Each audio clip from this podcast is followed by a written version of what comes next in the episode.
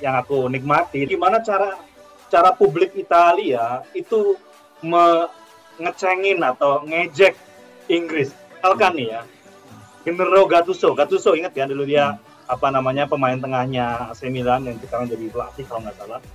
Dia dia bilang gini, Inggris tuh hafal betul bagaimana caranya jadi pecundang. dia ngomong gini, saya sangat bangga kami berhasil memenangkan turnamen tidak dengan gaya kami. Di final, Inggris justru yang mainkan gaya Italia. Jadi Inggris main Catenaccio sama Italia, kalah lah.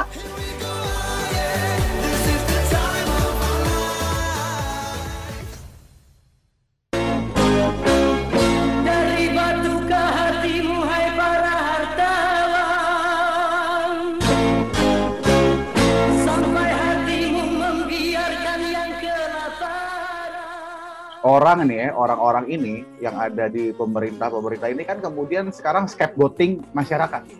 Masyarakat banyak yang tidak aware sama COVID, masyarakat yang beli yang begini-begini, masyarakat yang begitu-begitu misalnya. Yang ngomong bahwa corona bisa diusir dengan doa kunut itu siapa? Masyarakat atau wakil presiden? Wakil presiden. Yang ngomong ya, itu yang nggak pernah kerja itu wakil presidennya. ya kan?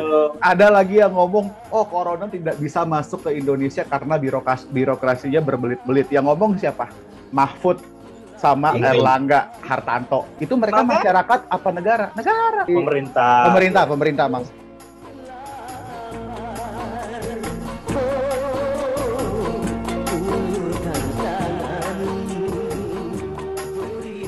Sebenarnya ini terapkan aja undang-undang darurat kesehatan secara murni dan konsekuen saja. Memang nah, untuk urusan kesehatan publik itu boleh dan bisa dibatasi. Negara berhak membatasi ruang movement orang tuh bisa, itu disahkan. Itu HAM juga uh, membolehkan adanya pembatasan itu tuh dibolehkan untuk apa? Keselamatan publik, kesehatan publik, ketentraman uh, publik gitu ya uh, dan sebagainya gitu ada tuh di ICCPR kalau kita mau hmm. lihat. Nah, tetapi hmm. ketika negara juga mau membatasi uh, ruang gerak publik, dibantu juga dong dengan stimulus ekonomi orang-orang yang mereka tidak punya kemewahan untuk bisa work from home karena ya. hanya dengan uh, kerja harian kerja harian dia mendapatkan income kalau ini nggak disalurkan bantuannya nggak ada bantuan ya pasti chaos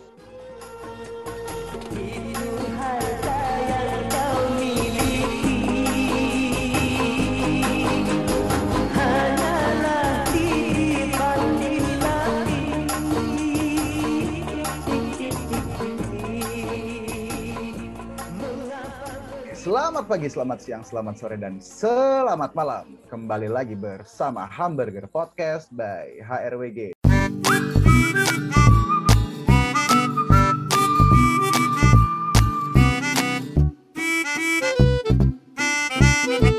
Dan hari ini kalian nggak cuma ngedengerin, tapi sekarang kalian juga udah mulai bisa menyaksikan wajah-wajah kami. Maafkan kalau ternyata wajah kami tidak sebagus suara kami. Kalau gue justru kebalikan, Jeff. Oh, Muka, muka lebih bagus daripada suara. gue bukan gue yang ngomong ya, Jeff. Ya. Gak sesuai ekspektasi ini, ceritanya. Eh, Mengecewakan lah tentu saja. Kita bukan iya. para model gitu ya. Hmm, betul. Apa yang iya, kita sampaikan ya itu yang kita punya sebenarnya. Iya, ya, kalau betul. kita punya suara, kita punya uh, ya pikiran gitu ya atau ya iseng-iseng punya opini ya ya coba kita bagikan. Artinya kita pengen berbagi semangat. Betul. Ini berbagi semangat padahal kalah bolanya kemarin. Lagi bisa-bisanya megang Inggris. Kalah gimana? Coba tim ya, kalian apa? Kita bisa cek. Eh kita cek gitu. Yang paling yang paling yang paling successful siapa? Kalau nggak salah yang ada yang pegang Prancis dan Jerman kan? Iya sih. Iya, awal Jerman siapa? Bang Jess Jerman ya? Iya, gue Jerman. Iya. Jerman tuh sampai lagi waktu itu. Jerman? Eh, kita sama. Kita berhentinya sama-sama di 16 besar. Uh, oh iya. Uh, uh, iya, iya, berhenti di 16 kan semifinal ya? Semifinal kali. Enggak, mana ada Prancis semifinal mau jauh-jauhan. Prancis tuh 16 besar berhenti. Oh, 16 besar ketemu sama Swiss ya? Ah, ah, kalah dia lagi. Masa kalah Mas Swiss negara begitu, bolanya jelek kalah Prancis. Bagus tapi Swiss. Iya, iya, iya, bagus iya. banget asli. Jadi Kayak hitam iya kuda hitam sama kayak Kroasia lah. Jadi ini ya, apa pertandingan bola kemarin selain menghabiskan waktu di malam hari, menghabiskan uang juga nggak? Nggak.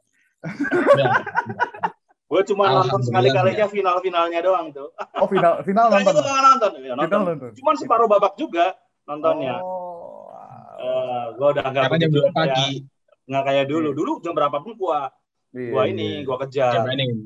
Nah. Tapi yang paling paling demen gue sih jujur aja bukan bolanya hari ini, tapi setelah bola kelar komentar-komentarnya Wah asli. dan kan rame Asli. tuh rasisme kan ada kan, jadi Ah, bentuk- ah, ah, jadi ah, jadi ah. eh, katakanlah eh, diskursus yang kencang juga di Inggris kan. Kalau eh, pemain-pemain yang gagal nga- ngeksekusi penalti itu kemudian dapat ya sama hooligan itu kan di di, Ya ya hooligan. sentimen ra- rasis juga. Tapi yang yang yang yang aku nikmati dalam tanda petik bukan rasisnya ya, tapi nikmati gimana cara cara publik Italia itu me- ngecengin atau ngejek Inggris. Misalkan nih ya, Gennaro Gattuso, Gattuso ingat kan dulu dia apa namanya pemain tengahnya AC Milan yang sekarang jadi pelatih kalau nggak salah. Dia dia bilang gini, Inggris tuh hafal betul bagaimana caranya jadi pecundang katanya. dia, dia komen gini, saya sangat bangga kami berhasil memenangkan turnamen tidak dengan gaya kami. Di final Inggris justru yang mainkan gaya Italia. Jadi Inggris main Catenaccio sama Italia ya kalah lah. Iya betul betul. Jadi Inggris itu- komentar setelahnya sih yang menurut gua seru ya kayak Seru seru Iya. seru uh, seru. Bono Bonucci itu tuh sama juga tuh. Bonucci itu uh, yang ngegolin tuh ya. Uh, kemudian terjadi penalti kan. Hmm. Bonucci itu bilang Gue nggak tahu, gue jujurnya nggak nonton final, nggak kuat waktu Ini- itu. ini uh, peribahasa dalam uh, bahasa uh, Itali uh, dan dia setelah kemenangan itu ngejek pakai foto dia bilang itu. Kalau dalam Itali itu ada satu peribahasa tuh uh, mak- kalau di kita kan ada makanlah garam sebanyak kita banyak makan garam. Ah, Kalau di Itali itu makan pasta dibilang gitu. Nah, Hmm. Kita saatnya makan pasta. Oh jadi dengan ngomong pasta artinya ngejek Inggris itu kurang pengalaman kalau kalau punya mental juara Oh, nggak ada. I see, I see, I Nah, see, I dengan pasta gitu-gitu. Jadi orang-orang itu jail-jail juga gitu. Jadi yang tuh gue gue jujur ya, gue ngerasa bahwa ketika apa namanya megangin eh, bola itu nggak ada lagi tuh istilah wah favorit ini bener-bener ada ada lagi. Ya siapa pun yang main kalau memang menghibur ataupun Iya, iya, benar, benar, benar, benar, benar. Gue juga udah begitu tuh. Tapi yang menghibur itu bola Indonesia mas. gimana? Asli, bola Indonesia itu ngelebihin bola luar negeri. Isunya banyak, mulai dari eh, pemain nggak dibayar gajinya sampai Asli. mati mati karena kemiskinan, benar-benar mati itu salah satunya dari pemain Persis Solo kalau nggak salah itu berapa tahun yang lalu udah lama. Itu Oh sampai mati di benar-benar dia- lapangan itu ya? bukan mas mati di rumah karena sakit. Hmm. Jadi dia mau dibalikin ke Paraguay Hmm. itu nggak mau karena dia malu nggak punya uang. Terus rumah di Paraguay-nya itu dia ngontrak selama enam bulan nggak dibayar kayak.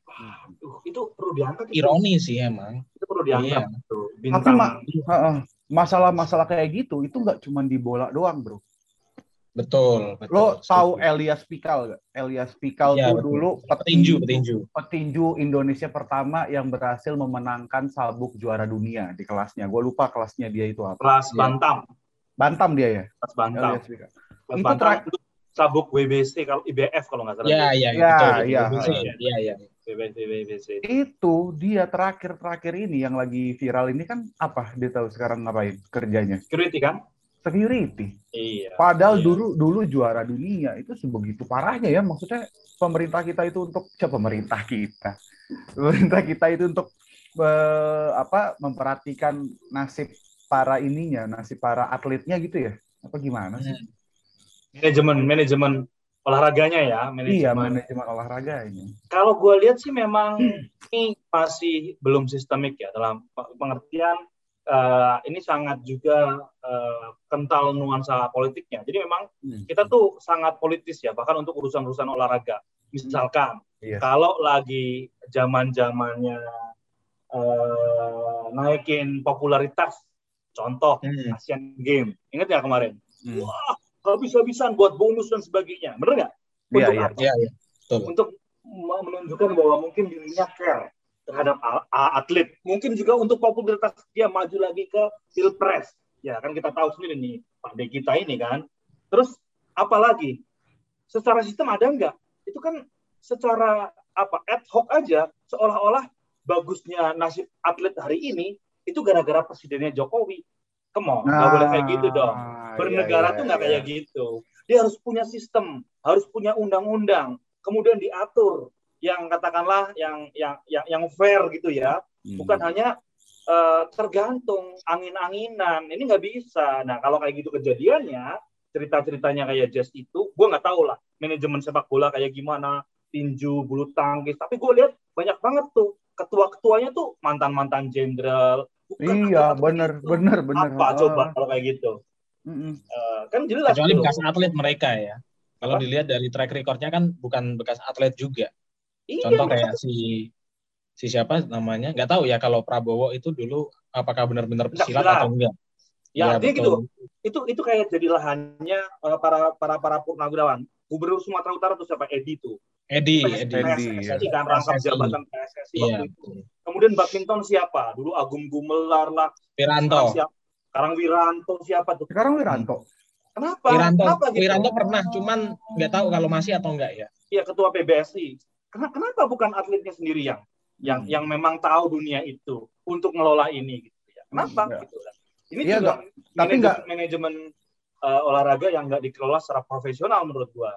Mm, Tapi nggak cuma ini sih, memang nggak cuma nggak cuma untuk mereka-mereka yang mantan tentara juga ya, purnawirawan juga. Kayak misalkan si Kobi tuh, Kobi Komite Olahraga Bela Diri Indonesia.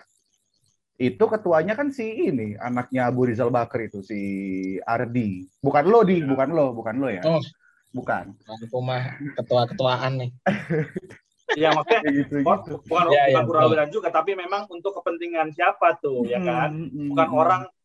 Aku fine kalaupun memang ada purnawirawan atau bekas eh, pejabat tinggi mau jadi ketua itu, asal dia Hmm. kompeten. Itu dong. Problemnya itu kompetensi. Ini ini mau kayak gimana gitu kalau nasib olahraga kita kalau dikelola sama kelompok-kelompok yang punya kepentingan, bukan sekedar uh, kelompok yang memang mau oh, tentu mereka ketika mau nyalonin jadi ketua pasti pengen maju tapi apa apa benar dia punya menguasai uh, bidang itu sampai uh, bisa ber katakanlah berkompetisi di level internasional gitu ya Iya, dan iya, iya. gitu kan jangan-jangan cuma untuk kepentingan politik lokal aja Hmm. nyalon nyalon gubernur nyalon ini nyalon itu gitu gitu Itu Ya, memang- menurutku, aku aku pernah ngobrol sama eh, salah satu atlet mas, Mas Eko, eh, angkat besi. Sekarang juga dia berangkat ke Eko. Kurniawan.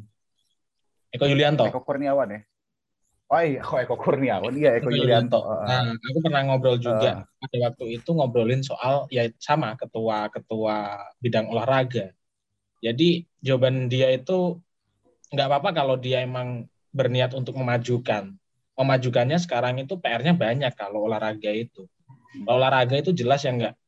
Yang paling penting adalah bagaimana untuk menghidupi para atlet dan bekas atletnya Mhm. sekarang itu yang yang bagus malah sebagian atlet emang dijadikan PNS di daerah yang paling banyak kalau nggak salah malah Papua jadi banyak-banyak atlet Hmm. olahraga Hmm. apa pun itu yang punya kompetensi cukup unggulan lah dibandingkan dengan orang lain dia benar-benar direkrut kayak gitu di Papua itu ada beberapa pesepak bola yang malah jadi PNS PNS, Nah, ya. yang dia obrolin itu salah satunya ya kalau ente punya uang dan berniat untuk menghidupi olahraga itu dan eh, benar-benar tulus tanpa ada embel-embel ya Pamrih, silahkan ya, ya. gitu.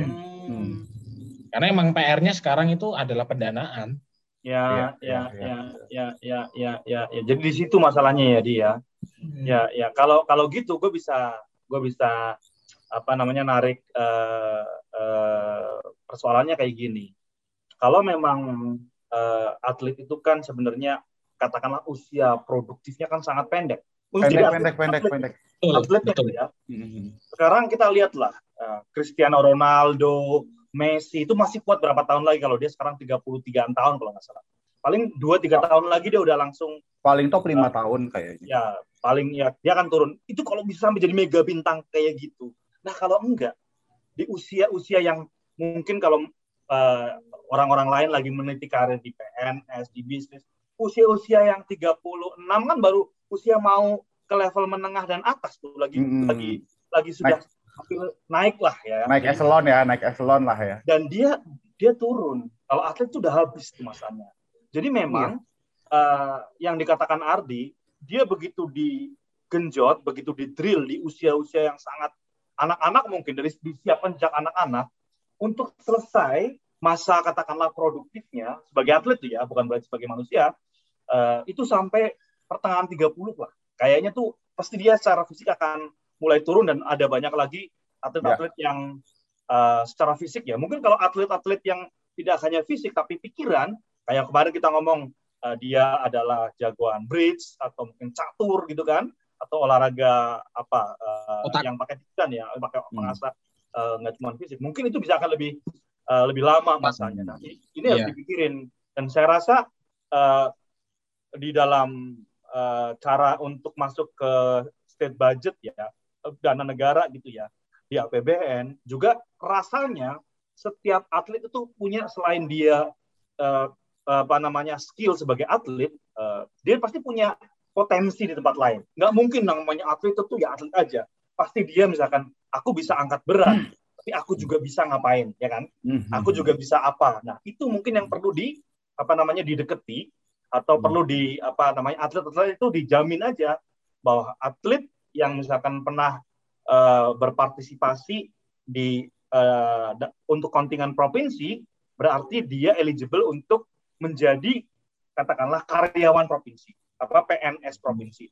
Kalau dia pernah ber, ber, ber, berkontribusi ke ke daerah misalkan kayak uh, kabupaten, ya dia layak Popda, tuh. Popda. Ya, Popda gitu. Atau mungkin nasional, berarti mungkin PNS nasional. Tinggal dipikirin orang-orang atlet-atlet ini yang jelas kan terdaftar tuh mau dikemanakan gitu. Nah ini manajemen yang lain rasanya. Anyway, kok kita jadi ngomongin manajemen olahraga sih kayak kita tahu. Karena karena gini, kenapa kita ngomongin olahraga hari ini? Karena kalau buat gue pribadi itu bentuk terima kasih gue. Kenapa gue berterima kasih? Karena gue kemarin itu tertolong dalam tanda kutip ya dari segala macam gempuran stres gara-gara COVID ini. Itu gue ketolongnya tuh gara-gara nonton bola Euro itu. Terus ada Piala ya, Copa juga. Iya, Piala Piala Eropa itu ada ada Copa Amerika juga kan. Ya. Terus kalau gue sih sekarang lebih banyak nontonin tinju sama MMA memang lebih ke situ sih. Tapi maksud gue itu coba bayangin ya kalau gue ngerasa kayaknya kalau kemarin tuh nggak ada yang namanya tontonan-tontonan berbau olahraga itu, gue barangkali bisa jauh lebih stres daripada sekarang. Gue bayangin keluarga gue gara-gara COVID itu itu mungkin udah ada lebih dari 30 orang yang positif dari seluruh keluarga besar. Iya kan? Nah, ya PPKM juga ya lo tahu sendiri masalah-masalahnya gitu kan. Kayak misalkan ya gimana sekarang sekarang gitu ya kita kita baru masuk ke PPKM itu dua hari yang lalu nih. PPKM namanya PPKM level 4. Ini Udah level 4 ya? udah level 4 ini kalau pakai level-levelan begini biasanya level 4 tuh udah pedes coy. Tergantung sih. Mulai pedesnya dari mana nih? Biasanya level Oh iya, ter, biasanya kan level 1 paling paling nggak pedes tuh kalau paling nggak pedes. Uh, ya kan? Level 2 makin pedes, level 3 makin itu. Eh level 4 nih sekarang nih. Hmm. Kalau Tapi, ini aku kalau aku kalau aku lihat dulu ya. Ini aku juga sejujurnya juga bingung dengan kondisi-kondisi Eh, ppkm ini sebenarnya apa sih kalau Mas Awi atau Bang Jess bisa ngasih pandangan? Kalau aku kepikirannya gini, sebenarnya ketika ppkm diberlakukan, kira-kira pembatasan seperti apa yang paling tepat kayak gitu? Hmm. Karena yang kocak itu dari kemarin itu yang benar-benar rame itu kan pada waktu ppkm darurat itu kalau nggak penggusuran, terus ada pemukulan, yep. uh, warung soto itu dibubarin pakai pemadam kebakaran. Hmm. Itu kan apa ya? Ya di sisi lain kocak, tapi di sisi lain ironi. Nah, tapi di sisi lain masyarakatnya juga masih banyak yang bandel kayak gitu, nggak pakai masker, nggak mau jaga jarak. Hmm. Ya serba bingung sih sebenarnya. Serba bingung. Mas Ami ya? gimana? Kalau gue ya sebenarnya ini terapkan aja undang-undang darurat kesehatan secara murni dan konsekuen saja. Hmm. Jadi kalau undang-undang itu diterapkan, itu sebenarnya kayak PSBB dulu sebenarnya. Ada tanggung jawab negara di sana. Orang memang nah, untuk urusan kesehatan publik itu boleh dan bisa dibatasi. Negara berhak membatasi ruang movement orang tuh bisa, itu disahkan. Itu HAM juga uh, membolehkan adanya pembatasan itu tuh dibolehkan untuk apa? Keselamatan publik, kesehatan publik, ketentraman uh, publik gitu ya uh, dan sebagainya gitu ada tuh di ICCPR kalau kita mau lihat. Nah, tetapi ketika negara juga mau membatasi uh, ruang gerak publik, dibantu juga dong dengan stimulus ekonomi orang-orang yang mereka tidak punya kemewahan untuk bisa work from home karena ya. hanya dengan uh, kerja harian kerja harian dia mendapatkan income. Betul. Nah ini yang harus kita kritisi apakah PSBB dulu dengan diganti nama menjadi PKP PPKM, PPKM ini negara jadi hilang tanggung jawabnya ini yang ini yang yang bikin orang marah publik kalau iya. memang iya. Hmm. tanggung jawab negara ini kan kayak semacam right contestation ya. Negara punya hak membatasi, oke okay, dia punya hak. Tapi publik, katakanlah uh, orang itu kan butuh makan. Mm-hmm. Kalau dia kalau nggak hal ini nggak dibat kalau ini nggak disampai nggak disalurkan bantuannya, nggak ada bantuan, ya pasti chaos. Kejadian mm-hmm. yang kejadian apa? Satpol PP gebuk-gebukan sama pedagang kopi, kita lihat kan. Satpol PP kena sama siapa dan sebagainya. Akhirnya yang terbentur siapa? Kasihan kan apa namanya uh, petugas lapangan sama masyarakat yang nyari uang ini gara-gara hmm. apa konstruksi berpikirnya itu konstruksi bernegaranya ini itu nggak dari awal nggak nggak jelas gitu terus iya, terang iya. sekarang dulu iya. kalau mau konsisten dulu yang namanya disaster ini ataupun pandemik ini masuk dalam kategori uh, uh, bencana alam hmm. itu siapa ininya leading sektornya siapa siapa uh, teman-teman tahu nggak BNPB. BNPB. BNPB. Iya betul. Kemudian Kalau evaluasinya sekarang... apa? BNPB gagal atau enggak? Tiba-tiba diganti Pak Luhut. Kenapa coba? Diganti. Ini kan publik publik nggak ngerti ini apa nih uh, perbedaan antara ini masyarakat nggak ngerti PSBB itu apa, belum ngerti itu apa, hmm. ada haknya atau enggak. Betul. Dulu saya rasa, aku aku masih rasa di lapangan itu sumbangan itu banyak pada saat PSBB. Yang yeah, yeah. kayaknya nggak ada. Nah, apakah dengan nggak adanya, aku nggak tahu kalau ada uh, aku aku sumbangan ya. sumbangan dari pemerintah maksudnya. Iya kak, iya sumbangan. Oh nggak ada, nggak Justru ada. itu. ada. Kalau ini yang namanya berarti jangan jangan mau katakanlah menangnya sendiri dong, membatasi ruang gerak orang, tapi neglecting atau mengabaikan orang-orang yang butuh day by day makan pasti chaos kok. Yang nah, paling jadi, ya, ya, ya. jadi menurut gua, hmm. kalau mau berhasil keluar dari pandemi, ini gua mungkin sekedar omongan atau atau gagasan atau opini, harus Semuanya harus clear dari awal. Ini maksudnya PSBB apa? PKPM apa? Leading sektornya siapa? Pemerintah ngerjain apa? Dokter ngerjain apa? Masyarakat ngapain? Udah jelas. Kalau ada apa-apa ke mana? Jelas. Yang ini nggak ada. Iya. Tabrakan terus. Betul, betul. Tabrakan terus. Kemudian barulah dia ngomong, dibilang nanti kalau ada yang uh, apa namanya ngomong nggak terkendali, tunjukkan ke muka gue. Nanti kemudian varian delta ini varian nggak bisa dikendalikan lah iya nah, ini nah justru ini justru itu yang gue pengen ngomong dari tadi masalahnya gini bang orang nih ya orang-orang ini yang ada di pemerintah pemerintah ini kan kemudian sekarang scapegoating masyarakat masyarakat banyak yang tidak aware sama covid masyarakat yang beli yang begini begini masyarakat yang begitu begitu misalkan padahal sebetulnya simpel aja dulu waktu covid pertama kali masuk ke Indonesia sekitaran Maret.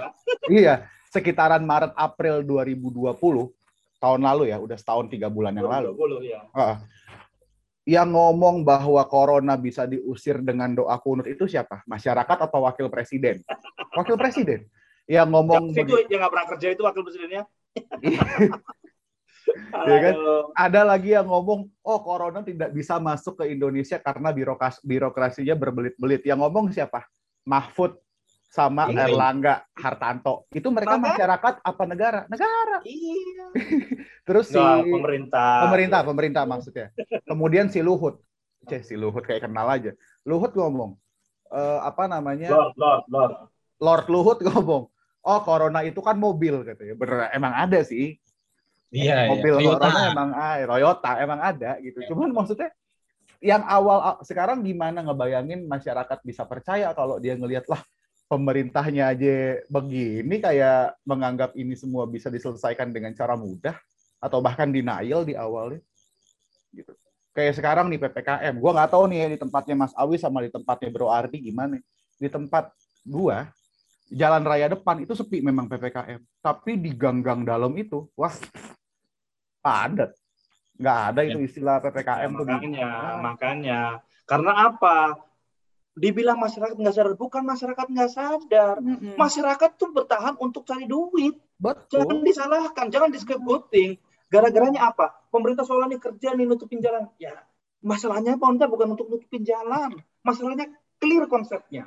Kalau hmm. mereka nggak kerja, nggak cari makan, terus Betul. solusinya apa? Nah itu hmm. pemerintah harus pikirin. Itulah kenapa kalau dibilang orang cuma ngomong-ngomong gampang, ngelaksananya susah. Ya kalau kamu nggak mampu, ya mundur. Hmm. Nah menurut iya. gue sekarang justru gerakannya itu kita harus berani mulai menuntut para uh, elit-elit, pemerintah-pemerintah yang hari ini pertama dari awalnya ignorance, yang kedua tidak simpatik malah nonton apa tuh? Sinetron apa? Ikatan cinta. ikatan cinta. Cinta. Kemudian apa lagi tuh? Uh, misalkan ya ya uh, katakanlah ngomong ini susah kemudian ini itu udah kalau nggak sama nggak sanggup mundur karena kalau nggak sanggup nggak mundur mereka tuh zolim mereka tuh jahat menurut gua dia tuh nggak layak menurut gua untuk kita bayar dari uang pajak kita jadi mungkin gerakannya kita buat petisi bareng-bareng untuk mempidanakan mereka sekalian aja. Orang mereka nggak kompeten kok. Betul. Itu aja menurut gua sih yang yang untuk ini nggak bisa. Ada banyak-banyak nyawa loh. Kalau kita betul, lihat kanan kiri kita ada banyak. Berapa kali kita episode untuk mengenang teman-teman kita yang sedang iya. uh, apa survive ataupun bahkan meninggal gara-gara COVID. Udah udah nggak ketahan sebenarnya. Orang tua gua, adik-adik gua beberapa kena COVID. Itu itu udah kayak bener-bener mengancam siapa aja yang nggak nggak fit sebenarnya. Mm-hmm. Itu itu itu bagi gue tuh nggak boleh dan aku yakin juga terjadi nggak cuma di lingkaran gue, di lingkarannya mereka juga gitu loh. Karena ini yeah, kan yeah. pandemi global. Kalau orang-orang masih nggak ada sense of crisisnya, malah nonton sinetron, malah dalam kapasitas dia sebagai pejabat uh, publik loh ya, uh, menteri koordinator gitu ya, nggak layak mundur jelas itu. Oh layak layak banget, layak. Kita banget. buat petisi kayak gitu aja kalau memang perlu. Tapi kita tapi tapi mungkin aja. mungkin tadi kan Mas Awi ngomong di lingkaran dia juga terjadi ya mungkin benar terjadi di lingkaran dia tapi berhubung dia menteri punya akses rumah sakit segala macam segala macam gitu ya yang membedakan sama kita gitu. Tapi yang kurang ajar pemerintah ini kan kemudian gini, ada Undang-Undang Nomor 6 tahun 2018 Mas. Soal karantina kesehatan yang bikin itu di bawah sepengetahuan presiden yang sama dengan yang sekarang menangani COVID, dia udah bikin infrastruktur hukumnya tuh, tapi nggak dijalanin. Cara dinas kesehatan itu kan kalau misalkan kita mau lockdown gitu, bahasa lockdown misalkan. Ya udah nggak apa-apa lockdown, orang nggak boleh keluar rumah iya, tapi di, dijamin tuh kebutuhan hidup sehari-harinya sampai ke hewan ternak. Iya betul. Ya kan, hmm. sampai ke hewan ternak. Betul, betul. Tapi kemudian itunya nggak dijalani gitu ya, kewajibannya si negara itu nggak dijalani, tapi orang-orang dihukum berbasiskan undang-undang yang sama, lah kan gila. Nah itu. Ya benar, benar, benar. Ya. Itu benar. Yang, itu, itu, yang, itu, itu yang kasihan itu yang sampai kemarin itu uh, disuruh milih bayar kalau nggak salah ya bayar 5 juta atau penjara tiga hari milih ya, penjara tiga betul. penjara ya penjara lah iya iya iya ya, itu udah udah udah udah benar-benar uh, sinting sih menurut gua udah negara ini udah udah udah udah udah udah nggak jelas ini apa uh, udah nggak mampu menurut gua untuk menangani. Iya. Tapi kalau nggak salah Hakim Agung udah udah udah ngasih ini dia udah ngasih uh, imbauan ke hakim di tingkat yang paling bawah itu untuk tetap mengedepankan humanisme itu. Tapi Jadi, yang yang ini guys uh, hmm. uh, sorry di uh, uh agak sedikit uh, motong sorry sorry banget nih gue lagi ingat masalahnya Yang yang yang agak sedikit uh, kurang ajar ya adalah ketika lagi uh, tes ombak kemarin itu. Mereka cek ombak untuk ada vaksin berbayar. Ingat nggak? Oh jadi, iya, iya. iya. Ini, ini ini kan ini kan ini kan jadi kayak semacam apa ya? Ini manajemennya tuh kayak gimana gitu loh. Ini barang publik kan sebenarnya vaksin hmm. ini.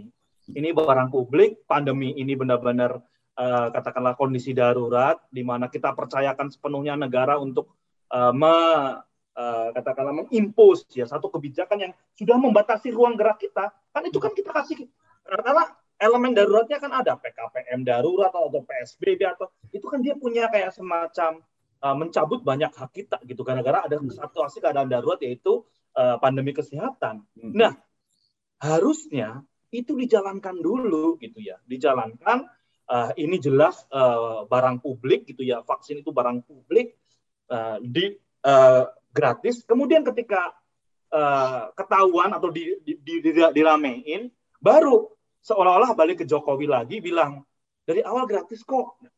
Come on, kalau kemarin kita nggak ramein, hmm. itu ada juga itu uh, apa namanya kita nggak nggak nggak apa nggak anti swasta untuk membantu percepatan enggak aku nggak nggak anti siapa pun untuk mempercepat laju vaksinasi tapi enggak tapi yang menjadi poin krusial adalah vaksinnya itu dari mana? Jatah yang masuk ke Indonesia itu berapa.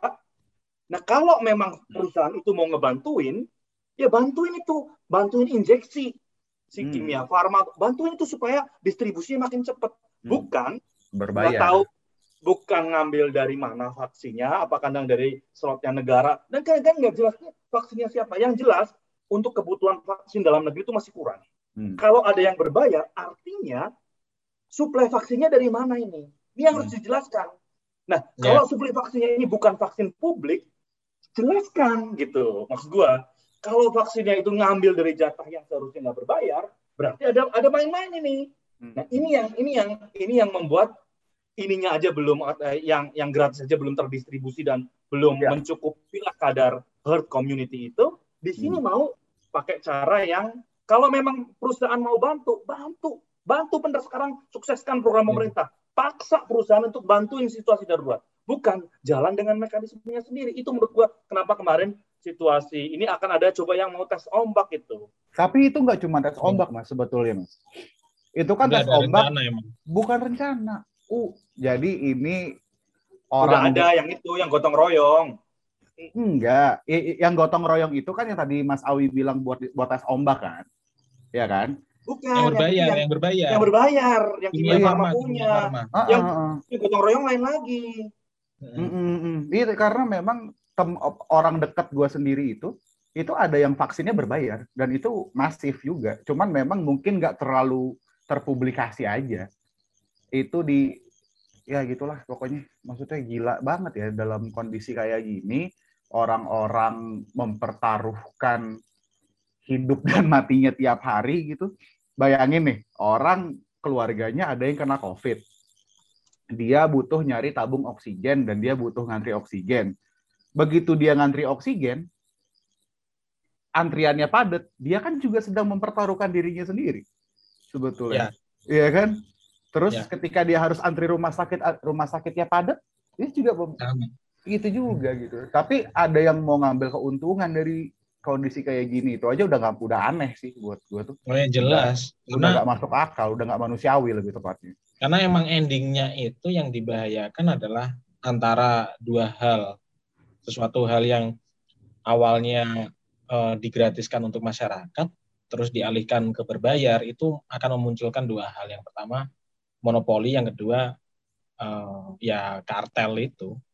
Jadi emang uh, akan benar-benar dikuasai oleh satu orang dan ya. dimainkan harganya. Lu mau nggak dapat barang segini? Meskipun kita juga nggak bisa menuduh ya. Hmm. Tapi apa pun yang nantinya bersifat berbayar itu, endingnya akan ke ya perut masing-masing kayak gitu loh. Siapa yang bisa kuat untuk mendatangkan ini, maka dia yang akan uh, menguasai. Karena ya siapa tahu nanti perusahaan negara atau perusahaan swasta kuat membayar lebih mahal dikit ketimbang uh, vaksin gratis yang kerjasama antar negara itu, maka akan dikuasai untuk uh, stoknya. Jadi mau nggak Hmm. mau, mau nggak mau harus berbayar nih. Ya, Gitu. kalau kalau kalau kalau gitu kejadiannya ya dia.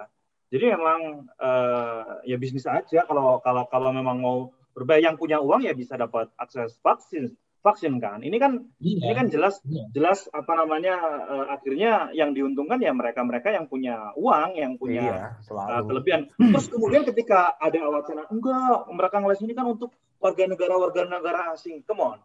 Kalau yang namanya keadaan darurat sekali lagi ini mau gua inklusif dong kebijakannya. Entah itu warga asing, entah itu warga negara sendiri, kalau gratis dalam judi gratis aja. Jadi kita juga emang virus kenal bahwa oh aku akan nyerang warga Indonesia aja udah atau gua akan nyerang warga asing aja. Enggak. Kenapa? Kemarin para katakanlah ambasador Jepang kalau nggak salah kemudian beserta orang-orang Jepang pada pulang sekarang untuk dapat vaksin Jepang gara-gara di sini itu masih diskriminatif vaksin itu hanya untuk warga negara Indonesia. Kita pekerja migran kita itu banyak. Ada di Jepang ada di Korea ada di mana-mana. Atau di Hong Kong ada di mana dapat tuh vaksin gratis di sana. Sih jadi di kebijakannya itu sudah harus menurut aku harus diciptakan inklusif. Jangan Inklusif. Kemudian ada syaratnya. Ya untuk warga negara eh, emang warga negara itu memang tanggung jawabnya pemerintah Indonesia. Tapi dalam situasi darurat kalau kebijakannya nggak inklusif, warga lain yang bekerja di sini mereka juga punya hak atas kesehatan. Kalau mereka terkena, kita nggak terkena, ya nularin kita juga. Jadi Betul. memang harus benar-benar eh, vaksin pun harus inklusif buat siapa aja gitu loh. Jadi di kita yang sendiri kenapa kemarin ada ada ada, ada belum banyak yang ngomong sebetulnya. Ini kan buat warga negara asing yang untuk ekspat ini nih. Loh, kok berbayar untuk ekspat yang untuk warga dalam negeri gratis? Artinya dalam berpikirnya pun sudah Salah. terhadap warga negara asing. Itu sebagai satu eh, kebijakan menurut kita aku aku aku buat kita buat eh, apa namanya beberapa riset soal penanganan COVID. Eh, justifikasinya ya penanganan masa pandemi salah satunya harus dengan polisi yang inklusif. Polisinya Indonesia itu nggak inklusif, itu itu anti asing gitu. Anyway. Tapi emang susah ya, maksudnya apa yang bisa lo harapin dari sebuah negara yang pro yang yang program kerjanya cuma ganti-ganti istilah. PSBB, seolah-olah Ya kan? udah kerja dengan ganti iya, istilah iya, PSBB, PPKM mikro, darurat. PPKM darurat, sekarang Level-level PPKM transisi sebelumnya. Ya, transisi PPKM ada ya. transisi, eh, Hmm. terus ada PPK sekarang PPKM level 4. level 4. Kita bingung di itunya doang, dibingung-bingung sama bahas doang. Iya. Begitu juga dengan istilah-istilah kayak misalkan dulu namanya orang dengan orang dalam pengawasan, terus terjadi suspek, terus terjadi OTG, gitu-gitu doang. Kerjanya cuma ganti-ganti istilah doang. Nah, yang menarik Mbak Asvin, Mbak Asvin tuh ngomong begini kemarin di wawancara gitu ya, dia sama media. Mbak Asvin tuh ngomong begini. Pemerintah itu terkesan menghindari kewajiban untuk memenuhi kebut- kebutuhan dasar warga. Hal itu, eh, Hmm. Hal itu terlihat dari berbagai istilah kebijakan pembatasan yang yang ditetapkan pemerintah seperti PSBB, PPKM, PPKM level 4 gitu-gitu. Ya. Ya. Akhirnya karena seolah-olah itu dianggap seolah-olah bukan karantina kesehatan. Karena kan Hmm. kalau di kalau di undang-undangnya kan bahasanya tuh karantina wilayah, karantina kesehatan sama satu lagi aku lupa. Seolah-olah tuh dibikin ini bu ini beda nih, ini barang yang beda padahal harusnya sama.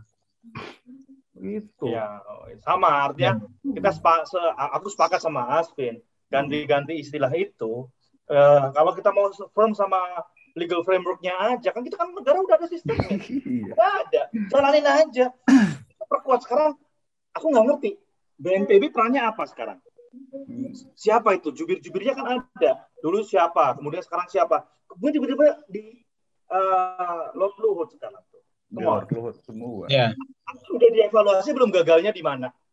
Berhasilnya di mana? Kurangnya apa? Tiba-tiba diganti. Dengan istilah yang baru eh, ini level ini baru. Ini kan cara menanganin eh, negara yang yang seenaknya dewe Tapi ini ini ini me- apa membuktikan bahwa sebetulnya isu kesehatan itu tidak pernah oleh negara ya, oleh pemerintah itu tidak pernah dilepaskan dari ekonomi. Makanya Lord Luhut yang megang karena dia ada investasinya kan di situ. Padahal kesehatannya kesehatan dong.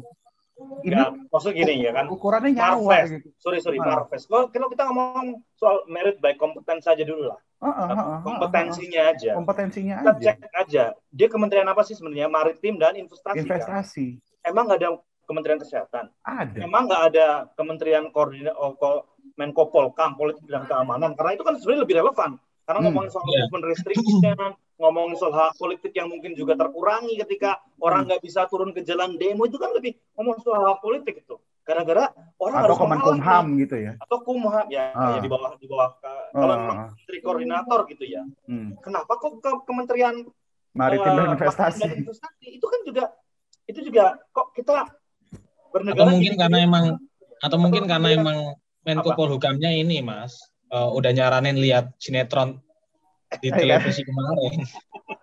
Oke deh. Ah, udah gila. Mesin dulu deh. Apa hmm? namanya ngeliatin ini uh, bagaimana uh, anak-anak hamburger ngelihat uh, sekitar kita hari ini ya. Ya bola, ya PKPM ya. PPKM. PKM lah. Satu ya, lagi. Apa? Satu lagi nggak nggak negeri Wakanda kalau nggak lucu setiap hari. Oh loh ini. Yang, yang, yang, yang terakhir yang terakhir yang terakhir tahu kan uh, yang endingnya ada pejabat rangkap jabatan bukan disuruh turun tapi malah aturannya peraturan yang, diganti. Ya. itu tema besok deh. Itu tema besok deh. itu juga lucu. Yang pernah di ya. Tapi nanti dibahas ya. Nanti, nanti dibahas kan. Eh, jangan ke mana-mana ya kita minggu depan ngomongin soal uh, rangkap jabat yang rangkap jabatan uh, peraturannya. Oke, okay. ya thank you semuanya. Oke, okay. sehat-sehat lah selama ppkm ini. Jos, ya. Yeah. Uh, sekarang yeah. ada Olimpik, kita mau mungkin nonton olahraga lagi ya. Uh, okay. uh, Olimpiade 2020 tapi digelarnya 2021. Lucu juga yeah. nih. Euro kan gitu juga, Euro 2020 harusnya. Iya. Menarik menarik ini. Hmm. Sekarang juga sama kan, uh, oh, Olimpiade 2020. Eh ternyata dilaksanain. Jos. Jos ya. Oke. Okay. Sekarang semoga bisa naik ini ke jadi edisi pertamanya yang visual ya. Thank you. Yang penting sehat ya. Pemirsa Bye. Thank you, gang. Bye. Ya, thank you, bye.